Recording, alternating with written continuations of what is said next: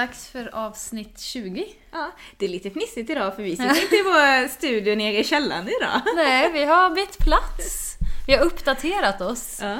eh, från eh, källaren till vardagsrummet. ja. Och en ny mick Mm. testar vi idag. Så vi behöver inte sitta och frysa, vi behöver inte vara rädda för spöken, Nej. ingenting sånt. Utan, Alla lampor är tända hela tiden. ja. Ja, även fast det inte är så bra ljus här uppe, men det Nej. får vi ta. Nej, Det känns bara lite ovant, men vi Ja. hoppas att det kommer låta bra, det gör det nog med den här micken ändå. Ja, men det tror jag. Mm. Helt klart. Eh, avsnitt 20 då, det känns ju inte som att... Det känns som att det blir många. Att det har, vi har gjort. Jag kan inte prata eh, det känns inte som att vi har gjort så många avsnitt. Fast samtidigt känns det som att vi håller på jättelänge. Ja, jag håller med. Jag håller med. Jättekonstigt. På något vis. Mm. Det, så, och den här dagen när det här avsnittet kommer ut så är ju den 20 mars också. Mm. Precis, det är fint. du sa ju det innan Peter, bara men det är 20 mars och det är avsnitt 20. Jag bara nej det är 15 mars. ja, för det är det nyss nu när vi sitter här men, Då är den 15. Yes. men ja, jag förstår vad du menar, absolut. Mm. Eh, och idag... Det är Eh, spännande man hör lite grannljud och sådär. ja, den här grannen här uppe har eh, saker för sig dygnet runt, Ja. kan man säga. Så det kan, eh, ja, vi får väl se vad det blir för ljud. Mm, men jag tycker ändå det ska ju höras att vi liksom inte är i källaren längre. Mm. Att vi inte är isolerade på det viset. Precis. Inte nere i bunkern. Ja. Ehm, men i det här avsnittet så eh, kommer vi ju, vi har gjort en utflykt Mm. i vanlig ordning. Och vi ska prata om eh, fobier. Ja, precis. Ja. Eh, alltså vad, vad är en fobi och har, har du någon djurfobi?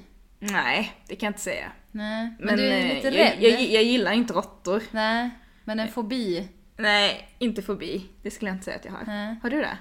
Nej, jag tror inte det. Fast jag tycker ju att vissa djur är obehagliga, eller jag är rädd för vissa djur, men inte fobi. Fast jag kan Nej. inte säga att jag riktigt vet vad en fobi är. Det är det också, att det är en sak kanske, eller jag tänker så här att det kanske är en sak att vara rädd och en annan sak att ha en fobi. Mm. Ehm, för i mitt huvud så kan ju vissa saker vara befogat att man är rädd för. Mm. Men är inte fobi kanske då när man, det inte är befogat? Jag vet inte. Nu sitter vi här och gissar. Mm. Det är dumt. När vi kan fråga någon som vet. Ja, och det ska vi göra eh, alldeles snart. Ja. Men eh, ska vi ta och prata om lite djurnyheter först? Mm, det kan vi göra. Ja. Eh, som vi sa, vi är en bit inne i mars och ehm, om vi går tillbaka några dagar från den 20 mars då. så kan vi berätta att den första tranan har anlänt till Hornborgasjön. Det är ju ett eh, vårtecken. Det känns ju jättevårigt Ja. tycker jag. Jättevårigt. Ehm, och eh, det var då ehm, eh, ja, det här rapporterar, det är Länsstyrelsen som, som rapporterar detta. Att, eh, ja, att de få- tranorna har börjat, börjat komma. Ja, de, de är sena i år står det här, jag läser från Aftonbladet. Och eh, för vanligen så kommer de först i, alltså redan i februari. Mhm. Eh, men eh, alltså, ja, årets transäsong den, eh, Den är sen. ja precis. Så att, ehm, Alltså, Jag Ja. har aldrig tänkt att det är vår i februari, men eh, okej. Eh, nej men du är ju från Norrland också. ja, Nej jag skojar. exakt. Nej jag Och skojar. där är det långt till vår kan jag ja, säga. Nej men alltså, jag vet inte om jag har tänkt, alltså jag tycker ju inte februari är vår heller. Alltså egentligen trodde jag kanske att de kom vid den här tiden, Mm. att det är så. Men ty- tydligen så är det ju sent då. Men visst, det har, har ju varit väldigt mycket vinter Mm, i landet. Även om det inte har varit så jättemycket snö i Göteborg så har det ju varit kallt och så. Precis. Som förra gången när vi var ute och gick. Ja, Det ja var ju gud. svinkallt. Då var det kallt. Mm. Eh, men det finns ju andra ställen i Sverige där det har snöat betydligt Mm, mer. mm. Där det har snöat alltså jätte, jättemycket. Mm. Typ där du kommer ifrån. Precis, jag pratar om mina hemtrakter i Västernorrland. Eh, och det har ju tyvärr gjort att eh, många djur har eh, svårt att hitta mat. Eh, Det här är från folkbladet.nu, men det stod även om det i Aftonbladet. Det är framförallt mycket älgar som har svårt att, att hitta mat. nu. Ja. När det är så, alltså det är ju så himla mycket snö. Alltså man får ju skotta taken, de får ju skotta ja, men infarten till husen och sånt, alltså flera gånger om dagen. Och när man då har skottat ner allt från taken så blir det som vallar så man ser inte ens ut genom fönstren. Och älgar då, eh, på, vin på vinterhalvåret så äter de ofta så tallris och enris. Eh, men det som är problemet är ju att det är svårt att ta sig fram när det är så himla djup snö. Mm. Så att eh, de går ju annars eh, långa sträckor så här, dagtid. Då Men är nu- ändå älgar jättestora så Mm. fatta mängden snö då. Mm, Jättemycket snö. Ehm, och det man, äh, uppe där har man hittat flera älgar som liksom bara ligger av utmattning och är helt apatiska. För att de orkar inte mer. Ehm, så man har hittat ett 30-tal älgar hittills. Som har liksom varit i något sånt här halvdött tillstånd. Så de har bara legat där och så har de försökt mata dem, lagt fram så här hö och annat. Ehm, men de har liksom inte ens orkat äta. Så man har ju varit tvungen att ta bort de här älgarna. Man kan inte ge dem dropp? Kanske man inte Jag vet inte om, det, om man kan det faktiskt. Det hade ju varit ett bra alternativ tycker jag. Eh, och några älgar har man också hittat som har liksom varit fastfrusna i backen. Fast de lever men de sitter fast. Det är ju sorgligt. Det är ju jätteotäckt. Men det finns ju människor som faktiskt är ute och liksom slänger ut hö och annat i skogarna för att älgarna ska få någonting att äta. Och nu läser jag att polisen uppmanar folk att göra det och har man väl börjat göra det så får man inte sluta Nej. förrän man vet att nu, okej, nu kan älgarna börja hitta mat själv. Nu har det liksom smält bort tillräckligt Mm. mycket snö eller, eller något sånt. Ehm, ja, just för att de, annars kommer de ju söka sig dit och så helt plötsligt så har man slutat. Nej. Och så har de mat. kanske lagt alla sina sista krafter på att ta sig dit. Mm. Och sen kommer de inte längre. Nej. Det är lite sorglig nyhet. Ja. Men eh, det är ändå fint tycker jag på något vis att folk så här, är ute och försöker hjälpa till Ja. och så här, hjälpa älgarna. Och det finns ju rådjur och annat också som har det svårt. Ja, det är klart. Men just det här med att det är flera, alltså 30-tal älgar som de har fått tag bort. Det är För att mycket. de bara ligger där. Mm. Sorgligt. Ja, jättesorgligt. Jag Även om man gillar snön så tycker jag att det här var lite inte så bra. Nej, jag såg faktiskt ett klipp, och jag kommer inte ihåg nu eh, var jag, alltså, om, jag tror det var från Sverige någonstans. Men där det var en älg, det var några som hade varit ute och åkt liksom. Skoter antar jag. och så hade de sett en älg som liksom inte kom upp eh, ur snön. Mm. Och då hade de gått dit och liksom försökt hålla lite avstånd samtidigt som de grävde upp älgen då. Så Mm. att till slut så kunde den ta sig vid. Ja. Ja. Men det var ju bara tur att de råkade se det Ja. och hade de här, alltså att de... Åkte förbi Ja, och hade precis. spadar och allt Ja, med sig. precis. Så att, men på tal om att eh, rädda djur höll jag på att säga, men ändå eh, lite på det temat. Hjälpa till. Ja, så snubblade jag över idag faktiskt att eh, regeringen föreslår en ny eh, djurskyddslag. Eh, och det här hittade jag då på regeringskansliets hemsida. Eh, de är säkert mycket bra men texterna är inte alltid jättepoppiga. Så att jag tänker inte läsa allt här. det ska ju vara korrekt, jag fattar behöver en annan också, men- pressmänniska där på. Eh, Men det som man kan lyfta lite som, ehm, eh, som det här förslaget innehåller då, det är bland annat eh, att det ska införas eh, krav på den som håller djur eller på annat sätt tar hand om djur och att den då ska ha tillräckligt med kompetens för att tillgodose djurets behov. Så det läggs ju lite mer ansvar på Mm. ägaren då. Ehm, och det kommer klargöras att djur av tamdjursart inte får överges. Mm. Bra. Eh, och, eller förslag då, allt det här är förslag. Mm. Att det införs ett förbud mot att djur tränas för eller används i prov på ett sådant sätt att de utsätts för lidande och förbud mot doping utökas och förtydligas. Det är långa meningar men det, det är väl så att de måste väl uttrycka sig på ett visst sätt för att det inte ska kunna för att det ska vara korrekt antar jag, det är väl därför de här texterna blir sådana. Men sen så tyckte jag det var en intressant också grej, ehm, för vi pratade ju lite om det här ehm, eh, Lex Maja Mm. som hade startat det här med den här katten som, eh, den dog väl? Ja, den eh, svälte väl ihjäl. Ja. För att ingen Nej. rapporterade att den var själv eller, och hemtjänsten kan ju inte gå in och göra någonting och det kanske inte fanns några anhöriga Nej. till För att ägaren då blev sjuk och inte kunde bo kvar hemma, så blev katten själv. Och då, det, det tycker jag var intressant, för då ändrar man också det i det här förslaget. Ehm, alltså det föreslås en ny sekretessbrytande bestämmelse som gör det möjligt för personal inom hälso och sjukvården och socialtjänsten att lämna uppgifter om vissa djurskyddsproblem till kontrollmyndigheter för djurskydd eller till Polismyndigheten. Så då får man bryta sin sekretess om det är för att ett djur får illa då. Mm. Ja, det är ju jättebra, Mm. tycker jag. Så det tycker jag var lite eftersom vi har pratat om det innan. Mm. Men det här är ju som sagt ett förslag och eh, de här nya reglerna föreslås träda i kraft den 1 april 2019. Om ett år, Ja, typ. så vi får väl se liksom om regeringen har ju inte majoritet så att Nej. vi får ju se liksom Vad vad som händer, vad det blir av det liksom. Ja. Men, vi kan ju eh, hoppas att oavsett vad man tycker om annat, att man tycker om djuren och kanske kan gå ihop och, för deras skull. Mm, jag tycker det är rimliga Mm. krav Mm. faktiskt. Mm. Till då de som inte tycker om djur. Eller inte Fast det tycker inte om. vara att man inte tycker Nej. om, nej precis. Precis, utan eh, ja, håller ett visst avstånd kanske för att man är rädd. Eller har en fobi. Precis, för även om du har en fobi så tänker jag så här att du kan ju ändå stå bakom till exempel bra djurskyddsregler Mm, ja, och sånt. Så det är inte riktigt samma sak, Nej. tror inte jag i alla fall. Men vi har ju haft med mycket, mycket människor som älskar djur och vill vara jättemycket med djur och tycker om det och vill gosa med djur och allt sånt där. Men så tänkte vi att det finns ju faktiskt många som har eh, fobier. Mm. Eller är väldigt, väldigt rädda. Kommer du ihåg vårt allra första avsnitt när vi var på hundcafé? Mm. Då pratade vi om det att eh, de kunde uppleva lite att det var en del besökare som tog med sig någon som var lite Ja, hundrädd. just det. Och att Träna det kunde, lite. Ja, tränade lite i den miljön. Mm.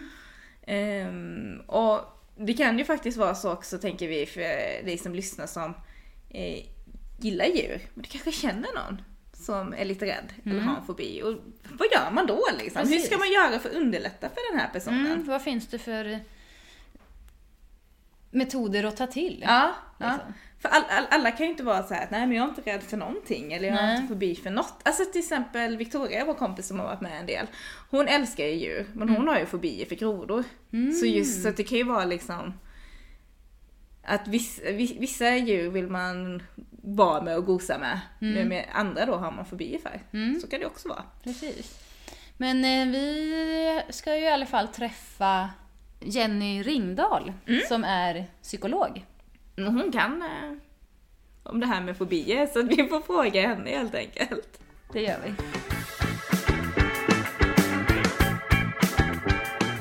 Eh, Ja, jag heter Jenny Ringdahl och är eh, legitimerad psykolog. Eh, Så det innebär att jag har fem års utbildning och ett års praktiskt tillämpad erfarenhet. Så allting som jag gör kollas av Socialstyrelsen kan man säga. Ehm, Och eh, på PBM, där jag jobbar, så är vi uppdelade både i en klinisk del som jobbar med behandling och en organisatorisk del som jobbar med arbete och organisationer kan man säga. Eh, Och det som skiljer PBM från en del andra psykologbyråer det är att vi bara jobbar med beteenden. Och eh, beteenden är det som eh, man kan säga det ska vara observerbart och någonting som går att se eller höra att personen gör. Så eh, när man kommer till oss för en fobi så eh, innebär det att vi kommer inte att eh, säga lägg dig på min soffa och säg mig vad du drömt utan vi kommer att eh, göra det ganska handgripligen så. Eh, så då får man ofta utsätta sig för det som är obehagligt och så får man ändra sitt sätt att tänka eller sitt sätt att göra eller säga eller bete sig. Så då får man först gå och utsätta sig för det och ni ser hur man beter sig då, eller? Eh, ja, man kan säga så här att först så eh, sitter vi och eh, snackar lite grann om eh, hur, det, ja, hur det känns och hur det, hur det går till och vad man brukar göra när man blir rädd Mm. så, och när man har en fobi. Ehm, och sedan så eh, brukar det gå till så att man gör så kallad exponering. Och eh, det som händer när man exponerar sig för någonting det är att man sätter igång rädslan och så övar man sig på att hålla emot ungefär. Så det är lite som att träna en muskel kan man säga. Okej. Ja. Spännande. Men kan vi liksom reda ut vad som är alltså att vara rädd för ett djur och vad som är att ha en fobi? Alltså, det måste ju vara en skillnad där.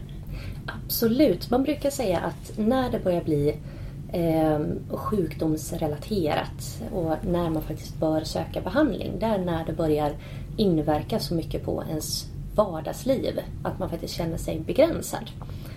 Eh, så min mamma som är väldigt rädd för råttor till exempel. Eh, den dagen som det kom en råtta i trädgården, i deras villa, och hon vägrade gå till jobbet och min far fick ringa Anticimex. Eh, då gick det från att vara en kraftig rädsla till en fobi. För helt plötsligt kunde hon inte ta sig utanför huset. Men om råttan inte hade kommit dit och liksom inkräktat så mycket då kanske det hade stannat vid en stark rädsla då? Så kan man säga ungefär. Ja. Om man ska hårdra. Ja, mm. intressant. Eh, så pers- personer som söker för fobier Mm. har ofta eh, en ganska så, ja, så pass kraftig rädsla att man inte kan eh, gå vart man vill eller man kan inte resa vart man vill.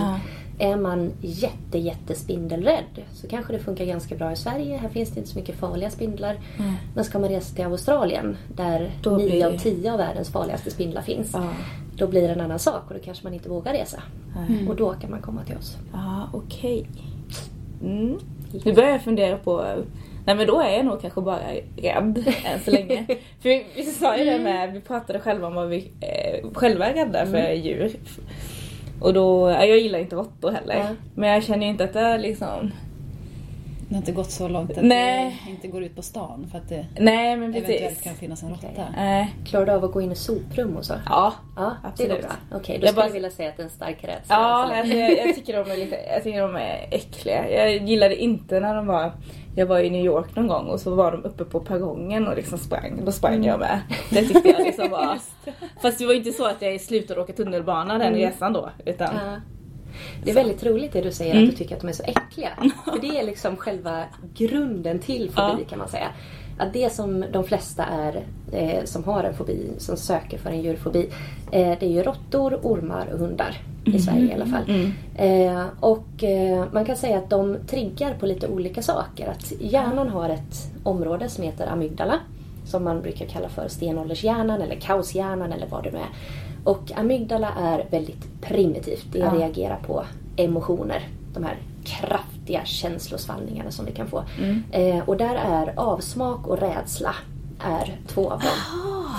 Yes. Så att eh, när vi ser en skällande hund, Ja. då så är det stor farlig varg. Amygdala säger varning, varning, du kommer dö. Och då får man det här påslaget. Eh, samma sak med ormar. Där känner vi avsmak för att amygdala säger att det här är, det är någonting som är giftigt som kommer att ha ihjäl oss. Det är ingenting som vi vill ha. Eh, och råttor är ju traditionellt smittobärande. Vilket gör att de kan smitta ner matavfall som vi kan bli sjuka av. Så att det ligger väldigt, väldigt djupt i oss det här att inte tycka om att vara nära den typen av djur egentligen. Jag tänkte att spindlar också borde ligga Precis. högst upp på den listan. Väldigt Så här sant. kryp och insekter liksom. Att det är det många... egna erfarenheter du Peter? Alltså jag är ju inte ett jättefan av typ så här skalbaggar och så. Men eh, alltså jag kan bara tänka mig att många känner att nej, alltså man vill inte ha, alltså det är många liksom, det kryllar och sådär. Att man får en sån här äckelkänsla liksom. Ja, precis. Så det är just den här äckelkänslan som Ja. amygdala står för. Man kan säga att amygdala, det finns en på vardera sida i hjärnan. Eh, så att om man lägger, om man känner kring öronen ungefär. Eh, Där sitter liksom eh, det som kallas för hippocampus. Och hippocampus är det som bromsar ner den här jobbiga reaktionen. Aha. Och det är även där som minnena sitter. Så att amygdala pratar med hippocampus. Men om amygdala får ett så stort påslag och säger herregud vilken fruktansvärd spindel, nu dör jag. Då så säger eh, ganska så ofta hippocampus att tack och hej, jag har ingenting att göra här, jag kan inte kommunicera Nej. med dig nu. Nej. Det blir Eh. för mycket liksom. Precis. Så att man jobbar hela tiden med att försöka stärka bryggan mellan de lugnande reflexerna och minnena av att det inte är så farligt eh, och det här kaosiga som amygdala står för. Och sedan så har vi också den delen av hjärnan som heter prefrontalkortex som sitter precis innanför pannbenet eh, som jag brukar kalla för vuxenhjärnan. Att hjärns, eh, eller barns hjärnor mognar nerifrån och upp och bakifrån och fram. Ehm, Så att längst bak så har vi syncentrat. Det som gör att vi uppfattar varning, varning. Nu är det någonting fara och färde. Ehm, Och det gör också att när vi är i den här jobbiga tonårsåldern Då alla de vettiga sakerna of är på plats. Men vuxenhjärnan som sitter längst fram, den är, är inte, inte där, riktigt nej. med. Så, eh, och då får man väldigt, väldigt starka reaktioner. Ah. Väldigt många tonåringar gillar skräckfilmer av den här anledningen. Eh, det är roligt att hoppa från höga klippor, Ah. man blir kicksökande. Och det är för att hjärnan stärker det här bandet mellan kausia amygdala Mm. och vuxenhjärnan som kan resonera fram och tillbaka. Vad blir konsekvensen om jag tar upp en spindel? Eh, hur kommer min mamma eller pappa känna om jag hoppar från den här höga klippan? Tonårshjärnan fixar inte det. Den är Nej. inte riktigt med där. Den vuxna hjärnan kan se att ah, det kanske inte är så smart ändå. Och kan också tala sig själv till rätta. Och det är därför som vuxna generellt sett är mindre skraja än vad tonåringar och unga är. Så när man försöker att träna bort en fobi och det som vi gör på PBM det är att vi stärker själva motorvägen mellan amygdala och lugnande hippocampus men också mellan amygdala och vuxenhjärnan, prefrontalkortex. Så att... Det logiska tänkandet, Ja, typ, eller precis. rationella. Ja. Exakt. Ja. Nej, alltså jag kan nog tänka mig grejer som hade kickat igång så att det blev fobi. Alltså med råttorna, det här liksom om de skulle komma upp i toalettstolen. Ja, det har du pratat om. Ja, Att, men eh, och typ när de gräver så kan, har man ju hört det. Precis. ja, då hade jag ju... Det vet jag inte vad är. Då kanske hade du det lämnat din det. lägenhet då? Bara låst och gått och inte kommit hem? Jag vet inte. Det är jättesvårt att sätta sig in i Mm. men det är ju min största skräck typ. Mm. Att jag sitta på toa och sen så bara hör jag någonting. Eller ännu värre känner någonting. Ja, ja, det är det Som är- nassar på ja. mig typ. Usch, det är Nej, nog skräcken ja. typ. Mm. Ja, det är lite lurigt det där. För det räcker ju egentligen med ett sånt minne. Mm. Och det minnet har ju då nästan uteslutande varit i koppling till amygdala. Så det man bara kommer ihåg det är rädslan, paniken, ångesten, hjärtat slår, handflatorna blir blöta, man ser ingenting, det susar i öronen. Precis som en panikångestattack kan man säga. Mm. Så att det minnet, när det bara triggas lite, lite grann, till exempel att man ser en råtta springa över gatan, då så kan man få precis samma känsla igen. Så att har man riktigt otur så kan man få nästan en PTSD-liknande känsla av en fobi. Det är samma grejer som triggas igång så att säga. Okej. För jag tänker om de här grejerna, eller de djuren som du nämnde, Mm. så måste ju hund vara det jobbiga, alltså det som kan bli mest begränsande, begränsande jag kan inte prata nu, i vardagen ändå eftersom de är, alltså bara på vägen hit på spårvagnen så satte det sig en tjej bredvid mig med två hundar i en sån liten väska. Mm. Typ. Och jag är ju inte rädd för hundar så. Men eh, jag tänker att de finns ju så Mm, överallt. Att de andra, alltså som ormar, spindlar, råttor ser man ju inte lika ofta tänker jag. Precis. Och det, då har du ju Hur gör man då? Ja, Precis, hur gör man då? Ska man gå runt på stan och vara rädd jämt? Det är klart att det, det kan ju bli jättehandikappande. Definitivt. Och speciellt om man är rädd för alla hundar. Oavsett om de är stora eller små eller skäller eller mörka eller ljusa eller vad det nu kan vara för någonting. Ehm, fördelen med hundar det är att det finns många. Vilket gör att för varje hund som du träffar som inte biter dig och som inte skäller och som faktiskt beter sig ganska bra så blir man lite mindre rädd. Och det kallas för utsläckningseffekt. Så att det är ungefär som att en, ja, eh, man häller gasol på en, eh, på en eld. Så. Eh, tändvätska. Eh, och då så flammar den här rädslan upp. Men sedan så för varje gång som man träffar en ny hund eh, så sänks den här eldtröskeln lite, lite till. Ehm, och det är det som man försöker göra vid exponering. Att man visar på att här är en hund, så snäll, fin, liten hund kanske man börjar med. Ja, det känns ingenting, bra, det funkar, skönt. En lite större hund och så trappar man upp hela tiden. Tills man till slut har en gigantisk rottweiler som skäller en i ansiktet. Och så kan man sitta där och tänka att yes, amygdala, hippocampus, prefrontalkortex. Nu kör vi, jag klarar av det här. Jag är en vuxen balanserad person. Och så funkar det efter ett tag. Och det som är ganska skönt och som kan vara bra att veta det är att går man hos en psykolog och lär sig de här teknikerna så behöver man egentligen inte gå mer än en gång. Och sedan ska man fortsätta träna själv.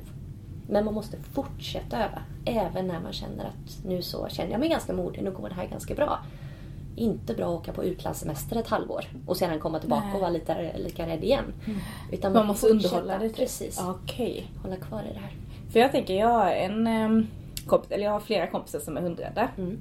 Men jag eh, en kompis som jag tänkte på, vi kunde, vi kunde gå på stan och sen så plötsligt så går jag och pratar så är hon borta för då har hon sett en hund och liksom gått från hunden. Mm. Och, så här. och då tänker jag, vad hade jag, kan- man liksom stötta någon i den situationen? Vad hade jag som kompis till henne kunnat gjort för att Absolut. hjälpa henne i den eh, stunden? Finns det några sådana tips? Definitivt. Ehm, man kan tänka så här, en spindel i ett vitt rum syns väldigt tydligt. En spindel i ett bollhav syns inte så tydligt. Nej. Eh, så att det handlar väldigt mycket om distraktion. Eh, att försöka distrahera så mycket som möjligt. För har man inte tid att titta på det obehagliga stimulit, eh, stimuli det vi kallar det som orsakar, ja. precis, eh, så känns det helt enkelt inte fullt lika enkelt att trigga igång på det här. Man ska också komma ihåg det att de här två systemen med logik och känsla, de kan nästan inte samarbeta. Utan det är liksom lite antingen eller. Ja. Så. Ehm, om man någonsin har känt den här känslan att man både är trött och hungrig och man har mycket på jobbet eller i skolan eller med kompisarna. Och sedan så kommer man hem och så är mjölken slut till kaffet. Och Ja, då börjar man grina. Ja. Eh, Då har ju det här liksom stressen, amygdala har tagit över. Mm. Och om man då börjar tänka på något som är mycket mer logiskt. Och det kan räcka med att man sätter upp ett mattetal för sig själv egentligen. 436 minus 582. Så, vad som helst. Vanligt enkelt matte. Så knuffar man liksom över all energi till den logiska delen. Och då så stänger det av känslodelen. Mm. Men gud vad smart. Så man märker om man har en kompis som blir stressad då kan man slänga ut lite kluriga frågor till den personen då. Jättebra Aha. förslag. Eller be att räkna alla småstenarna Ja. eller alla med blå jeans som går Ja. förbi. Ja. Låtsas ramla. Precis! Väldigt bra. Men kan man Okej. köra den för sig själv också om, om jag skulle gå ensam på stan Absolut. och så ser jag en hund som jag Kanske inte för? låtsas ramla då. Nej, kanske inte just den, men jag kan ändå så här börja, Ja. liksom. Definitivt. Ja. Och det fungerar med i stort sett vad som helst. Ehm, säg att eh, det hade känts eh, här inne i det här rummet där vi sitter nu. Eh, här tar vi emot eh, personer som kommer till oss med problem eller man har fightat med chefen eller man fungerar inte arbetslaget eller vad det nu är. Och då så kanske man inte har träffat en psykolog innan ehm, och det kanske inte alls är roligt. Så. Ehm, då så kan man till exempel göra så att man räknar alla hörnen i rummet. Tyst för sig själv. En, två, 6, 7, 8, 9. Så. Mm. Eh, och det behöver inte synas särskilt tydligt men bara genom att man mm. triggar igång räknesystemet mm. så lägger sig känslan av att det är obehagligt. Mm. Men det är inte många som säger så här och bara, men är det så mycket jobb? Alltså jag tänker att man letar efter quick fix. Mm. men det finns inga quick fix då. alltså egentligen så är det faktiskt, ju högre man börjar ja. så kan man säga, desto lättare går det. Mm. Så. Absolut. Men hur vanligt är det att folk har fobier mot djur egentligen? Mm, jag skulle säga att det är ganska vanligt att man är lite rädd. Att man tycker att ja, amygdala triggas igång, det känns obehagligt så. Man känner äckel, man känner rädsla eller avsmak just för spindlar, ormar och sådär. Um, att man söker hjälp är inte fullt så vanligt, tyvärr. Eh, vanligtvis så är det ju ganska så lite som behövs. Så ett psykologbesök kostar ungefär lika mycket som en middag för en kompis och dig ute på stan. Eh, och istället så går man och drar med det här år ut och år in. Ehm, för det som händer om man kommer till oss, i och med att vi inriktar oss just på beteenden, vad man kan göra. ehm, så är det ungefär, det här är det som triggar. Då så beter du dig så här och då blir konsekvensen det här. Eh, till exempel eh, pojk eller flickvännen har hund.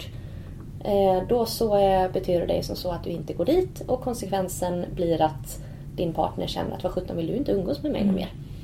Så att det är alltid beteendet där i mitten som vi jobbar med. Kan man träffas med hunden ute till exempel och vad blir konsekvensen då? Innebär det då att om ni kan ses ute i parken att din partner kanske tycker att oj, men det var värst vad du har blivit tränings och uteperson. Det var ju härligt. Vi kanske kan börja träna lite ute i Slottsskogen ihop och där finns det fler hundar. Och då så blir det ytterligare ett förstärkande beteende som vi kallar det för. Alltså ett beteende som gör att de andra beteendena stöttas upp Och att du faktiskt kommer närmare ditt mål att bli helt fobifri. Så det gäller att belöna sig ofta också. Så att man, eh, när man liksom har varit ute och hälsat på hunden, att man kanske får ta en glass eller jag vet inte, Ah, krama en kompis. Mm. Köpa ett par örhängen, inte vet jag vad man vill ha för någonting. Göra en high five med sig själv. Det kan nog spåra många kan jag tänka Ja. mig. Åh, om de gör det här då får jag köpa det där och Mm. där till mig. Eller? Unna sig. Absolut. Ja, men alla gillar väl att unna sig. Så om man då är vän eller, eller så nära någon, då så är det tough love som gäller då? Alltså för jag tänker att man måste ju stötta lite och Ja. ha förståelse för rädslan men det är inte så här att ta bort det helt då utan lite mer jag står här bakom, men nu ska du. Ja. eller liksom, är det eller faktiskt. lite så. Man kan säga att eh, ja, ju mer man satsar desto större blir utdelningen. Så är det. Så att eh, ju större, mera skällande, obehaglig hund, spindel, orm, råtta, vad man nu är som man träffar på, desto snabbare går fobin över. Mm. Så att mycket obehag ger också mycket lättnadskänsla. Lite obehag ger liten lättnadskänsla.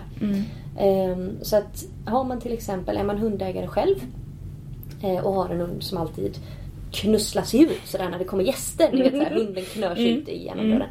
Eh, det kan ju för en hundfobisk person vara jättejobbigt. Att hunden kommer emot en och det finns ingen koppel eller någonting sånt. Ehm, och då så kommer sannolikt personen säga, ja men kan du inte hålla hunden när jag kommer? Det kan vara schysst att göra, att man liksom har en överenskommelse att ja, men jag vet att när du ringer på dörren, då håller jag hunden. Men då kan man också göra så att när man håller hunden så säger man att ja, jag håller hunden om du går fram och klappar den två gånger. Ah. Mm. Mm. Så att då så gör man en liten eftergift själv. Men man hjälper också personen att under trygga omständigheter utsätta sig lite grann för det här som är obehagligt. För jag tänker om man är på för mycket då kan man, då kan man väl lätt stänga av också. Precis, det är ju det som är hundägare som Ja. bara, men min hund är inte farlig. Precis. Bara, nej, fast det är inte logiskt med rädsla liksom. Nej, Mm. och det är ju det som det har ju räddat oss genom alla år. Eh, så. Mm. Stenåldern, återigen, amygdala. Eh, de personer sa manjana, manjana, ingen fara, vi ligger här på latsidan, no worries, ingenting är farligt. De var ju uppätna av Ja. lejon och schakaler innan de hann blinka. Medan däremot de som var ständigt på hugget, oroliga, såg efter eh, nya eh, Mm. orosmoment överallt. Ja men det, det är vi som blev kvar. Det är Mm. vi som är här idag. Så att det är inte så konstigt att vi faktiskt är så oroliga och nervösa Nej. för väldigt mycket saker. Att vi måste träna på mindfulness. och på. vi sitter och mediterar och sånt nu bara för att försöka lugna ner oss lite. Helt rätt. Ja det är väldigt intressant faktiskt. Att det har gått åt det hållet. Nu måste vi lära oss att slappna av. Precis. Man kan ju faktiskt underlätta för sig själv lite grann också med fobier genom ett väldigt, väldigt enkelt och billigt trick eh, som kallas drumroll löpträning. Eh, det är nämligen så att när man springer, apropå det här som vi pratade om tidigare med stenåldershjärnan, så tänker eh, hjärnan att gud vad skönt. Personer som springer är antingen på väg bort från någonting farligt, mot en ny bostad eller mot ny mat. Det är liksom de Mat tre. är alltid för mig. Alltid bra med mat. Springa mot kylskåpet. Super. Och det gör också att någonting med löpningen stärker de här delarna som vi pratar om. Okej. Med prefrontalkortex och även hippocampus. Eh, och stöttar upp amygdala så att det går mycket, mycket fortare för signalerna att färdas från amygdala till hippocampus och prefrontalkortex. Så att de här obehagliga signalerna dödas mycket, mycket snabbare. Men när ska man springa då? Eller hur ska man veta att just den löpningen är för det? Jo, det är så här att eh, om man springer 30 minuter ungefär så räcker det. Eh, allra helst 30 minuter varannan dag. Eh, kan man inte springa för att man har ont i knäna eller sitter i rullstol eller av andra orsaker inte kan springa eh, så fungerar det precis lika bra med någon annan typ av eh, konditionsträning. Men löpning är bäst. Så, ja, okej, inte precis lika bra. Löpning är bäst. Men det andra är också väldigt bra. Eh, Och då blir man liksom lugnare i den situationen då. Ja. Om man springer 30 minuter ena dagen och sen andra dagen så stöter man på det här djuret då. Mm.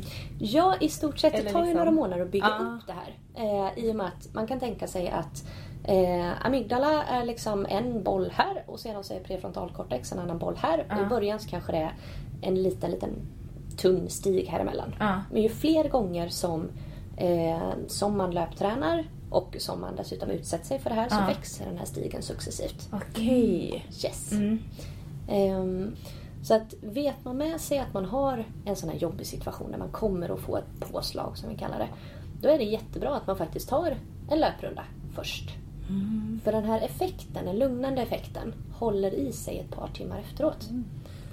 Ja. Och tricket är ju som sagt att försöka att hålla sig precis så pass lugn så att inte amygdala tar över. Mm. Så.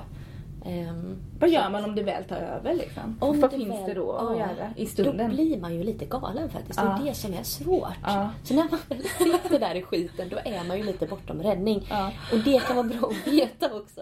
Eh, träffar man på en person som är väldigt, väldigt rädd och säger så här, nej men det är inte farligt, min hund bits inte.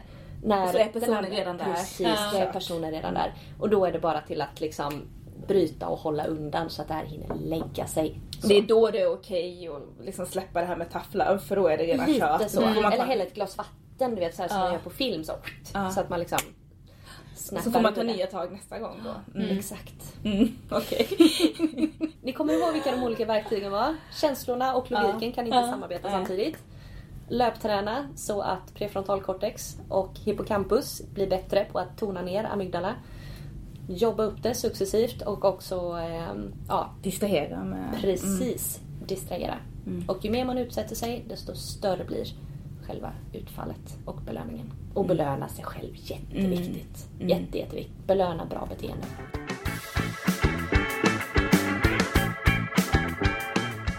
Avsnittets djur. Avsnittets djur! Avsnittets djur. Gud vad fint. Ja, eh, dags för avsnittets djur alltså. Som eh, den här gången är glö- grönlandsval. Kunde jag inte säga det ens. Grönlandsval. Eh, och den heter då på latin Balaena, tror jag, mysticetus. Mysticetus. Det är ett C. Så jag vet inte om det är Balaena mysticetus kanske. Alltså det där sista tyckte jag lät bra men jag, jag kan inte liksom säga om det var rätt som vanligt. Nej. Ja, vi säger Ja. att det är så i alla fall. Ja. Eh, och Grönlandsvalen då. Eh, den är ju då den enda i släktet Balaena. Men det tillhör en familj som heter rät, rätvalar. Så det är liksom en liten egen fast ändå i en familj. Mhm, okej. förstår inte riktigt det. Men i alla fall. Eh, och vad det man kan säga om rätvalar generellt är att de är klumpiga och har väldigt stora huvuden.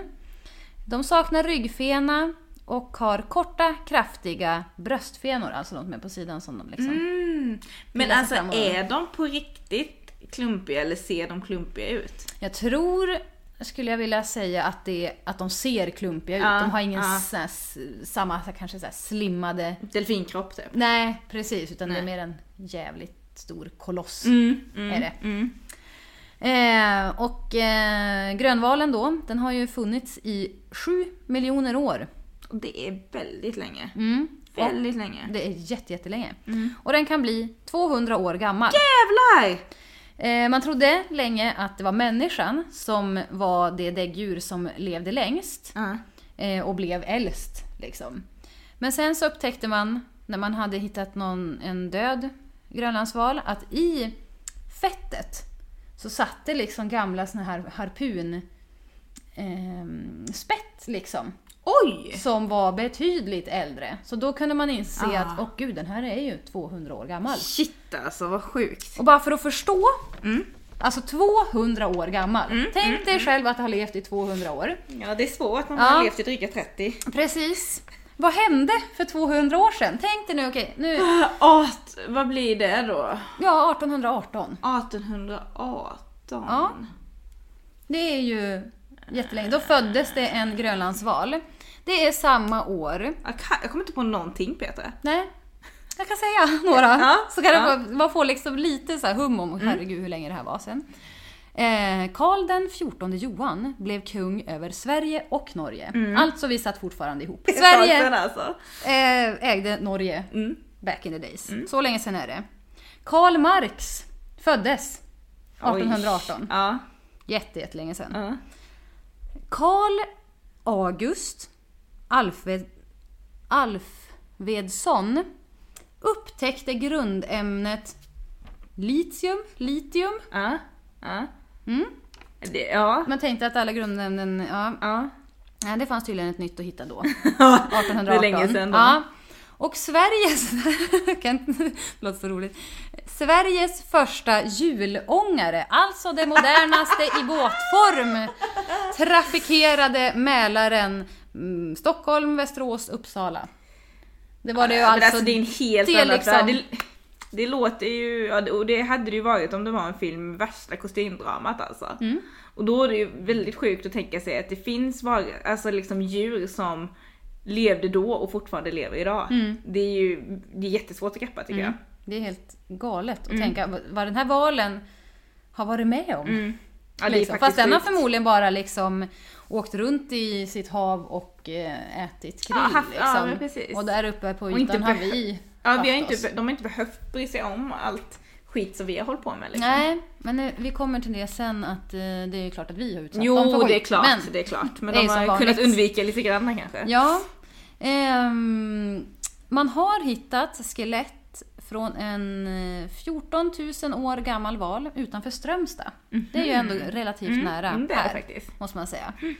Eh, men numera så finns de i arktiskt vatten och ett litet antal finns också i Atlanten. Okej. Så De gillar kallt. Ja, de gillar jättekallt. Mm. Ehm, förr så fanns de ju närmare oss, men Mm. eh, på grund av vårt beteende så har de flyttat. Ja. Och det finns inte så Ja. många kvar. Men hur de ser ut då? Ja, ja. Tydligen så var de ju lite klumpiga. Ehm, man kan säga att alltså de kan bli, det var lite olika bud på hur lång de kan bli. Men mellan 15 och 24 meter i alla fall. Det är mycket. Det är jättemycket. Alltså om jag tog... Jag tror jag tog 20 meter och så kollade jag hur många av mig, om jag skulle lägga mig raklång, Mm. liksom, hur många av mig skulle det bli? Alltså det blev 12 stycken. Ja. Och, då blir det fler av mig för jag är ju kortare än Ja. vad du är. Kanske blir 13 då. Ja, precis. Man kan ju fatta ändå hur Ja, lång. det är jättelångt. Alltså jag hade, Ja. hade jag varit ute och simma, jag kommer aldrig simma i arktiskt vatten för jag tycker allting är kallt, fy. men i alla fall. Och en sån bara hade kommit liksom. Bara, Ja, men det hade ju räckt att man var i en båt och en sån hade kommit Ja. så hade man ju blivit helt... Så otäckt, Ja, fast ja. spännande. Ehm, och den väger eh, runt 100 ton. De har hittat en som har varit alltså. 136 ton. Är så sjukt stort. Det kanske var en liten tjockis då. Ja, precis. För de har ju då ett stort huvud, Ja. som vi sa innan. Eh, de har en svart kropp med vit haka och så ibland är de lite så här vit på buken också. Mm. Eh, ja, det här stora huvudet då, det utgör ju 40 procent. Shit, alltså, visst det är så stort huvud men alltså, jag trodde inte, Jag tänker, jag trodde inte det var halva valen ändå nästan. Jodå, huvudet är halva valen. Alltså det är nästan halva valen, det är helt sjukt. Men eftersom det ändå är en val, det är ju liksom ganska korvformad, så ser man ju Ja. inte riktigt var huvudet börjar Nej, och det slutar. blir inte så extremt som en människa hade haft Nej, det liksom. nej. Men ändå. den är ju liksom trubbigare fram till. Ja. Den är ju inte snipig liksom, utan så man ser ju ändå vad som är huvudet Mm, väldigt väl. Mm. Eh, 30%. den äter plankton i alla fall. Och eh, räkor, eller krill, Mm, en form av räkor. Och de här silas då genom barder. Det är liksom som strån som sitter i Ah. överkäken och bara hänger ner sig. Så silas det igen- mellan där. Eh, som sitter i överkäken, som är 300 stycken. Och de här kan bli fyra meter långa. alltså det, Men alltså på riktigt, det låter ju helt sjukt. det är ju mer än takhöjden här hemma. Är det? Ja men det, Det här är måste ju vara tre meter i tak. Ja max tre meter typ. Mm. Jag, Jag tror, tror inte, jag tror inte ens det är tre meter. Nej, det kanske inte är. Men Men alltså ni fattar det, ju ja, ändå det, hur ja, Ja. extremt högt. Men så när de heter Bard, Barder, Mm. de här, så tänker jag ju osökt på Alexander Bard och att hans mustasch som man tycker bör trimmas liksom Ja, hänger ner så över munnen. Mm, mm. Men de är i alla fall inte fyra meter långa. Nej, och den, de här, alltså Grönlandsvalens barder fyller en funktion. Ja. Jag vet inte om det gör det på Alexander Bard, men i alla fall. Ja. Ehm, ögonen de sitter liksom nere vid mungipan på den här jättemunnen. shit. Så sitter det små ögon liksom precis här vid mungipan. Så här. Ehm, och de har två stycken andningshål uppe på huvudet. Ehm, Mhm. Och då kan, går de upp och så andas de, för det måste de göra. Och Mm. så kan de liksom simma runt i runt 50 minuter innan de måste upp igen. Ah, okej. Mm. Så jag vet inte egentligen om det, de har små lungor för att vara så himla stora. För 50 minuter, jag vet, alltså när den är så stor känns det lite vet kanske. Inte. Ja, jag vet inte. Jag vet inte heller, jag bara kom på det. Jag kan inte ens bedöma det känner jag. Nej. Mm. Eh, de äter i alla fall väldigt mycket då, eftersom de är så stora. Så de äter ungefär 1800 kilo krill eller plankton per dag. Det går inte att greppa hur mycket det är. Just att plankton är så litet också. Ja, det, blir är ju bara små plutt. Det är otroliga mängder Ja. liksom. Eh, och hur de hittar de här krillen och planktonen i de här jättehaven, eh, det är att de har ett utvecklat luftorgan i de här lufthålen. Mm, mm. Ehm, så tidigare så har forskare trott att ehm, så valar och delfiner att de inte har något luktsinne överhuvudtaget utan att de typ smakar på vattnet snarare för att Ah. känna Mm. ja, men, oh, här borta någonstans finns det mat. Men nu har man upptäckt att ehm, i de här blåshålen så finns det då luktorgan som gör att när de går upp till ytan så kan de lukta sig till var krillen finns. För att krill, när den äter plankton, luktar typ kålsoppa. Så det kan också vi känna om vi skulle vara ute i haven där. Att, Sjukt. mm, men gud, det börjar lukta kålsoppa här. Ah, här är det nog krill. Här kan det finnas Sjukt. valar om man vill titta på dem. Mm. Ehm, de kanske kan även lukta sig till en partner då också. Mhm. Känna att mm, här borta är det Sen någon. kan de le med sin stora mun. Mm, det kan de det. det, kan de det. Ehm, och får de då till det Ja. så är ju honan då dräktig i 13 månader. Mm. Ehm, Alltså det är ju inte jättelänge med tanke på att de blir 200 år. Nej, precis. De hinner nog med ganska många barn. Ja. Om, eh, beroende på... Hur länge de är könsmogna, eller Ja, liksom hur länge de är precis. fertila liksom. Ja. Eh, det heter ju kalv, heter det. Mm. Eh, och den här kalven, när den föds sen, då är den fyra meter lång. Det är så brutalt stort alltså. Precis som barderna. ja, och eh, den diar i ett år. Ja. Så då hänger den med mamman. Alltså det är ändå tid. rimligt att den är 4 meter med tanke på att den kunde bli liksom 15 till 20 eller vad var det? 15 till 24. Ja. Så det är, ju inte orimligt då att den är Nej. 4 meter när den föds men det, låter, ju, det låter ju mycket när man bara säger det liksom. Om mycket. man tänker, ja, då börjar jag kolla mig runt omkring här i rummet igen. Alltså det är ju Mm, enormt mycket ja, men liksom. typ. Som det här rummet typ. Ja, måste det vara. Som den här väggen. Mm. Få ut den? Nej. Nej. Ehm, Gå vidare. Ja, nu kommer vi till det här alltid lika Ja, det tråkiga. tråkiga. Det är så här, Vad har- vad människan, har vi gjort nu? Ja, människan och grönlandsvalen eh, har ju inte alltid varit kompisar. Nej. Det är frågan om vi det fortfarande är det. man ju också i början när du sa det att man hade hittat de här, Harpunspetserna. precis, de, de, de lär inte trillat in i det liksom. Nej, precis. För eh, grönlandsvalen har ju jagats väldigt, väldigt mycket Mm. genom tiderna. Eh, under 1800 1800-talet så sjönk antalet grönlandsvalar från runt 10 000 till ett par hundra. Oh shit, det är helt brutalt. Ja, och det fanns liksom så många grönlandsvalar förr Mm. att man liksom ansåg det bara var som en vanlig val. Alltså det var liksom, Ja. det bara var en val. Mm, mm. Ja. Så de jagades ju hejvilt. Och det gjorde man då för att man ville ta de här bar, barderna, de här stråna, för de var värd mycket pengar. Men också för att man ville ha deras kött och fettet.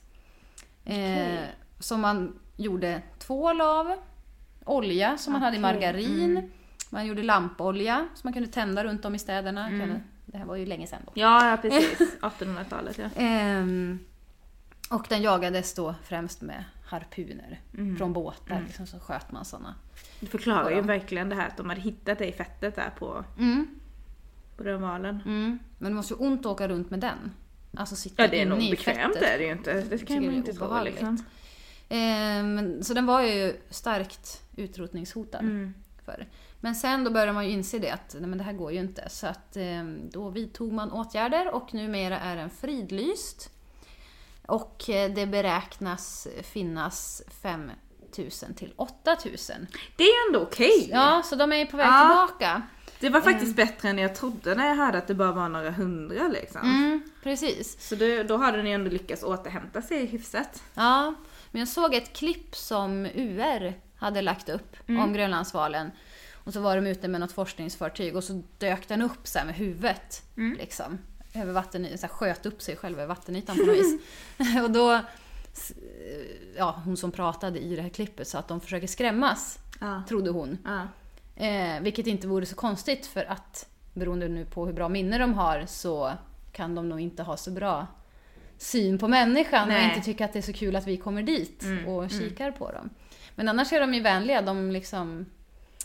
Eh, alltså de äter ju inte oss eller skulle så Nej, här, nej. Och det är ju, attackera. jag tänker också eftersom de kan bli så gamla så är det ju inte heller det här att um, i generationer att man kanske har glömt bort, alltså att vi inte, de inte har blivit jagade på ett tag så de är- kan ju bli så himla gamla så då kan de ju komma ihåg det fortfarande tänker jag. Mm. Ja, alltså att de fanns ju då när de blev jagade så några av de här hundra kanske fortfarande lever idag. Mm, precis. Så att då är det inte heller det här att ja, ja men det var fem generationer sen, nu har de glömt bort att vi var farliga.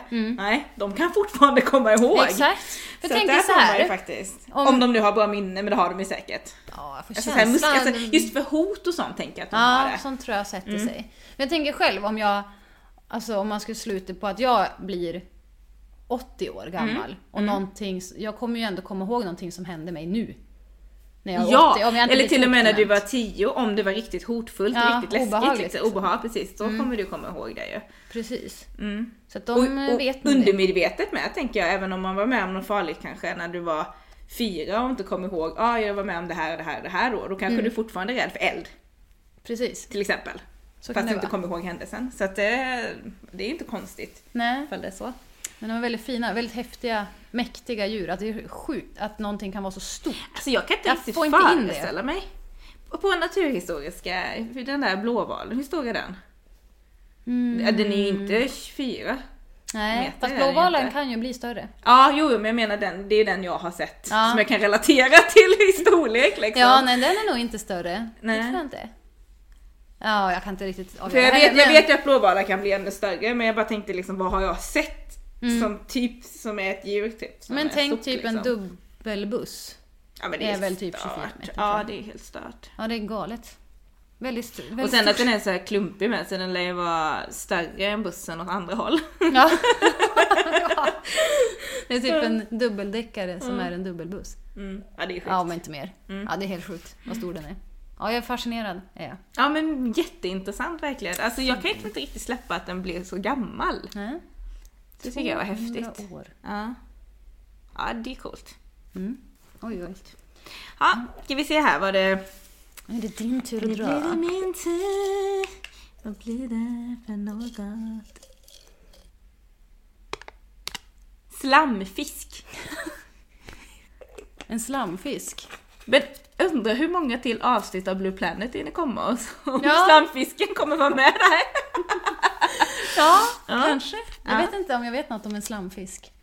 Nej, inte jag heller. Faktiskt. Men det ska bli jättespännande. Ja, det blir kul. Undrar om slamfisken finns på Gran Canaria, för jag ska ju dit. Ja, ah, just det. Mm. Det kan du reka lite innan då. för så jag kan tänk- du åka och titta ja, nej, men jag tänker ändå så här att jag tar med mig bandaren Mm. Till, till Gran Canaria, så ser jag om jag hittar något djurigt där. Mm. Gör det. Eh, så får ni höra om det i avsnitt 21 i så fall kanske. Mm. Men jag lovar ingenting, jag ska se vad jag kan... Oh, men nej, jag kanske, ser vi fram tänk, om, emot. tänk om slamfiskarna lever där liksom. Ja. ja, men det vore väl Kanske kul. kan få tag på en expert där. Ja. Mm.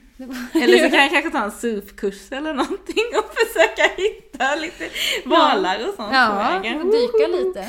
Ja. Ja, men det blir bra Jag tror inte att jag har eh, kormuskler tillräckligt för att kunna surfa. Man vet aldrig. Man vet aldrig. Ja. ja men det blir kul i alla fall. Ja, men det blir det. Eh, så vi säger tack och hej. För den här gången ja. Mm. Slamfisk. Mm.